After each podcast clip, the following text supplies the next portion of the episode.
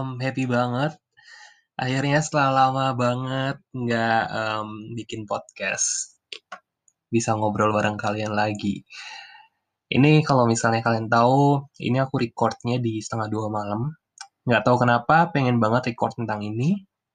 Dan hopefully uh, ini bisa membantu teman-teman yang mungkin hmm, saudara atau adiknya atau atau bahkan kalian sendiri lagi dalam hal yang nggak mudah. BTW, um, kalau kan dengerin podcastku sebelumnya aku udah sempet jelasin nggak ya kalau aku lima bersaudara. Well, aku jelasin aja ulang ya. Aku lima bersaudara, kakakku empat orang cewek semua, dan aku cowok sendiri. Ups. Terus um, lima bersaudara, terpautnya tiga tahun semua. Jadi kebayangkan gimana orang tuaku um, kebayangnya kayak gini misalnya kakakku yang ketiga masuk SMA kakakku yang keempat masuk SMP kayak gitulah. Terus selalu beruntun gitu. Jadi kayak misalnya aku lulus SD kakakku yang keempat lulus SMP kakakku yang SMA masuk kuliah.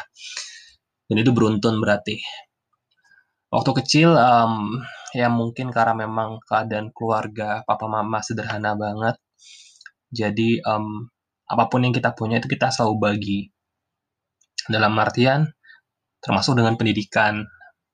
Mungkin aku salah satu yang beruntung karena aku anak terakhir, jadi waktu aku udah TK gitu, mungkin kakakku yang pertama udah mulai kerja, dan kakakku udah mulai dewasa semua, jadi mungkin pendidikanku lebih um, lebih lumayan dibanding kakak aku dalam artian pemilihan sekolah dan lain sebagainya. Tapi tetap, walaupun mungkin sekolah TK aku bagus, happy banget dulu bisa sekolah di TK Mojo Indah. Kalau yang tahu di Surabaya sampai sekarang masih buka. Um, ketemu baik banget teman, sahabat sampai sekarang juga masih ada. Um, tapi ya gitu, uh, fasilitas yang punya juga nggak sama sama teman-teman yang lain. Gitu. Tapi aku happy banget loh dulu tuh belajar. Aku masih ingat banget waktu uh, emang dari kecil anaknya ini ya seneng belajar, senang dapat nilai bagus gitu kan. Um, dulu dapat nilai 98 di ujian bahasa Inggris. Aku ingat banget, aku pulang sekolah itu karena sekolahnya nggak jauh dari rumah. Aku lari, aku ngomong sama mamaku kayak, wah dapat 98. Dan itu mamaku ingat sampai aku kuliah loh. Mungkin sampai sekarang juga masih ingat. Aku juga sendiri ingat sih. Kayak, aku ngomong sama mamaku kayak gini, wah berarti nanti um, kalau aku bahasa Inggrisnya bagus, aku nanti rambutku warnanya coklat ya.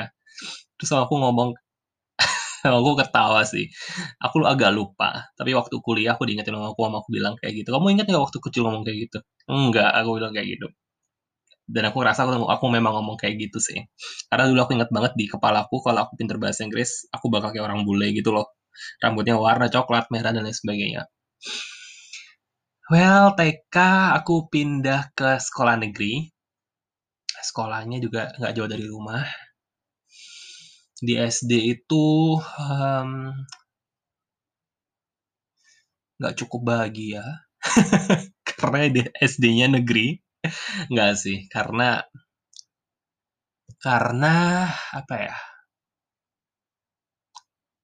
Karena nggak nemu temen yang enak kali waktu dulu, waktu SD itu.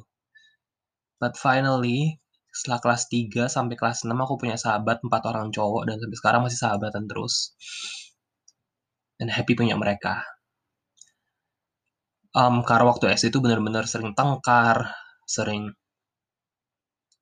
sering tengkar karena apa ya? Dulu itu kayak um, ujian uh, dulu masih anak kecil banget yang nggak mau nyontekin atau nyontekin milihin gitu-gitu loh itu bikin bertengkar gitu kan dan nggak nggak nggak banyak yang satu visi sama aku buat nggak nyontekin orang gitu kan dulu aku juga mikir sih kayak nggak um, tahu dari kecil emang sukanya kayak gitu gitu. Dan aku menurutku bagus cuman mungkin waktu kecil cara penyampaiannya kurang bagus. Jadi teman-temannya pada kesal gitu kali ya. Mungkin itu. SD btw um, aku ingat banget. Waktu SD aku senang banget belajar. Senang banget belajar. Even though aku nggak pinter-pinter banget sih. Kayak paling ranking 5 ranking paling kayak paling ini ranking 4 deh waktu SD tuh gitu itu pun belajar udah parah banget udah kayak biar dapat nilai bagus dan lain sebagainya, kayak gitu sih, menghalalkan segala yang halal ya, buat dilakukan, buat belajar, buat dapet ranking itu, at the end dapetnya segitu juga. Tapi hal yang aku ingat banget adalah waktu ujian nasional, uh, aku nggak les sama sekali. I still remember guruku ke kelas ngomong kayak, um, "Kita ada, um, yang agak murah nih di pagi hari sebelum kelas. Kalau yang mau join bisa," gitu kan. Aduh, aku mikir kayak, "Aku join nggak ya?" Gitu. Karena kalau aku join kayak mamaku harus ngeluarin uang gitu. Padahal waktu itu buat uang saku aja mamaku kayak, "Oh my god, udah susah banget." Saking mikir kayak, "Nggak deh, aku harus belajar," gitu. Dan itu di pagi hari juga, jadi kayak aku mikir, aku nggak bisa bangun bisa bangun pagi hari. Terus akhirnya ya udah aku belajar sendiri. Jadi waktu UNAS itu aku ingat banget teman-temanku pada les di GO, di apa buat UNAS ya.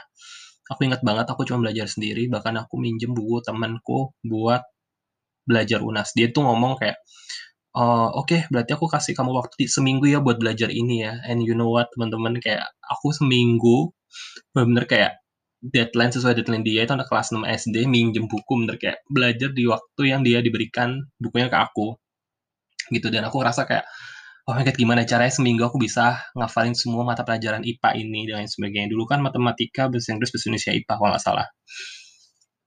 Oh my god seru sih. Terus SD lulus UNAS aku ingat banget matematika aku nilainya 5 IPA aku 6 pokoknya kalau di total itu dikit banget kayak 29 harusnya 40 paling tinggi kalau dibagi cuma 7 7, berapa gitu. Dan aku nggak bisa masuk SMP negeri.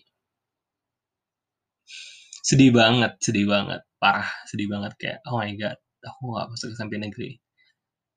Hah. Tapi aku masih tetap senang belajar waktu itu. Masuklah di SMP Kristen di um, salah satu pusat kota depan SMA 4 kalau tahu. Um, nah, yeah, I'm happy di SMP itu, happy banget. Kalau mau cerita rasanya mau nangis. Karena yang aku pikir aku nggak bakal happy, karena nggak ada keterima negeri. But beyond my expectation, itu aku happy banget aku bisa ketemu teman-temanku yang sampai sekarang jadi sahabat, jadi keluarga malah. Tapi di SMP itu karena swasta, itu bayarannya cukup mahal gitu loh. Kalau nggak salah itu berapa ya? Hampir 200 ribu gitu lah kan per bulan. Sedangkan yang again yang sekolah bukan cuma aku, ada kakakku yang SMA sama kakakku yang kuliah. Waktu itu benar-benar kayak banyak banget momen di mana aku mau ujian, tapi harus nunggu mamaku bayar duit sekolah dulu. Kebayang nggak sih? Kamu harus belajar, tapi juga deg-degan, takut nggak bisa ujian, nggak, nggak dapat nomor ujian karena mamamu nggak datang bawa duit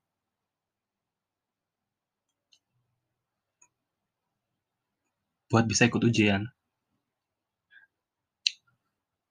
Hah, aku mikir dulu kayak, aduh, capek banget gitu tiap bulan. Kadang-kadang juga dipanggil sama guru BK. Kayak, um, kapan mau bayar duit sekolah? dan lain sebagainya.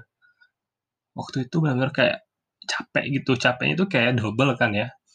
Maksudnya kayak um, punya tanggung jawab pendidikan tapi juga punya tanggung jawab mental yang aku juga nggak bisa bantu apa apa waktu itu. Mau kerja juga nggak bisa kan. Kepikirannya gitu tapi ya walaupun tertati tiap bulannya walaupun sempat kepikiran kayak Tuhan bisa lanjut sekolah nggak sih ah bersyukur bisa sampai suatu hari tuh um, emang karena keterbatasan banget, jadi kita harus berbagi dan mengatur semuanya dengan baik.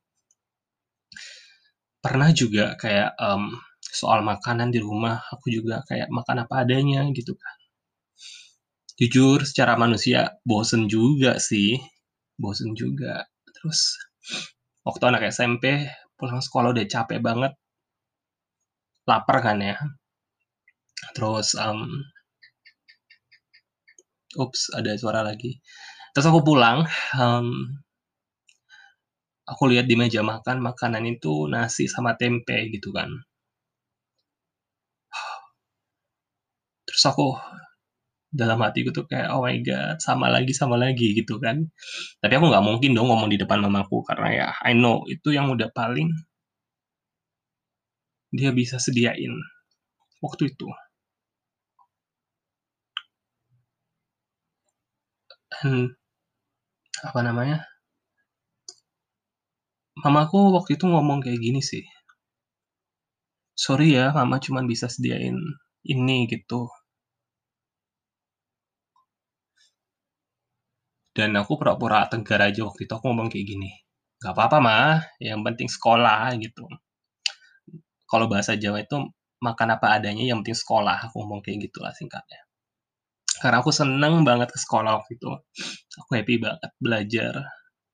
Walaupun nggak pinter-pinter juga. Nggak pinter-pinter banget maksudnya. Kalau ingat momen itu jadi momen yang paling jadi turning point-ku sih. Buat kayak one day kalau memang aku dikasih kepercayaan bisa sekolah tinggi aku bener-bener bakal pay it forward gitu loh. Bakal balikin lagi ke orang-orang lain yang mungkin punya kesempatannya nggak sebaik aku. Kayak gitulah. Ah, aku stop dulu kisahnya sampai di SMP ini, karena kisah SMK dan kuliah tuh aku pengen cerita di lainnya. Tapi tahu nggak, aku ngomong kalimat yang tadi, "Nggak apa-apa, Mah, makannya apa aja, apa adanya, yang penting bisa sekolah." Aku inget banget, kita agak cepetin waktu kuliah. Aku pulang kuliah juga. Terus makan gitu kan, pulang kuliah terus makan. Eee, ini puji Tuhan keadaan keluarga udah semakin baik ya, karena udah pada aku udah kuliah, kakak aku udah kerja dan ya keuangan udah semakin membaik. Tapi mamaku bercanda waktu aku buka, apa sih, tempat makan. "Nggak apa-apa ya makannya kayak gini, yang penting sekolah." Terus kita ketawa gitu. Oh my god, kayak, oh my god. Inget banget waktu SMP sih.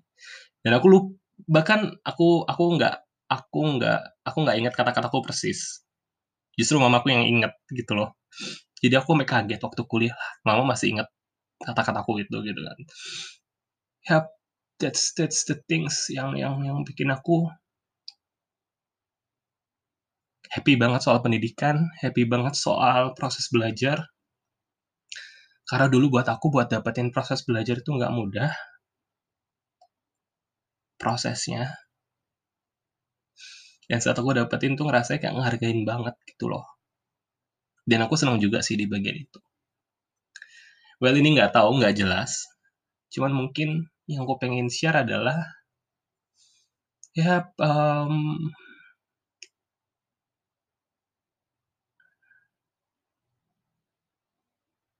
keadaan kita dulu itu ternyata nggak mendefinisikan siapa kita gitu loh. Bahkan keadaan buruk kita sekalipun, itu nggak mendefinisi nggak mendefinisikan siapa kita. Kita sendiri yang bisa ngelihat siapa kita dan menghargai diri kita. Dan saat kita sudah bisa menghargai diri kita, kita akan baru bisa melihat segala sesuatunya dengan baik deh. Itu yang aku dapetin banget sih. And again, ini cerita personalku. Dan aku bener-bener, um, pengen share, nggak tahu kenapa. Hopefully bisa ngebantu kalian eee, terkuatkan. Kita tunggu obrolan-obrolan lainnya di podcast Berbagi Inspirasi. Kalau ada topik atau pembahasan yang pengen kalian tanyain, langsung aja DM aku di @tenuleo. Kita bakal bahas deh, oke? Aku bakal coba untuk ngobrol sama teman-temanku yang lain ya, supaya lebih seru.